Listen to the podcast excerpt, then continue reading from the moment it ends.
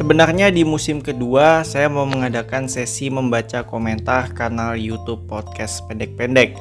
Dan kebetulan ada komentar yang masuk saat itu di video yang berjudul Opini Podcast Pendek-pendek tentang Reuploader. Tapi karena isi komentarnya hampir semuanya berupa huruf Mandarin dan ada link yang kemungkinan itu scam, jadi saya tidak membaca komentar tersebut karena saya tidak bisa bahasa Mandarin ya. Nah, di musim ketiga ini, saya mengadakan sesi membaca komentar kanal YouTube Podcast Pendek-Pendek.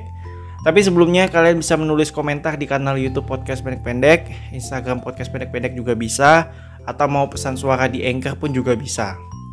Baik, langsung saja ya. Ini di video yang berjudul pemenang kuis berhadiah podcast pendek-pendek kali ini adalah titik titik titik.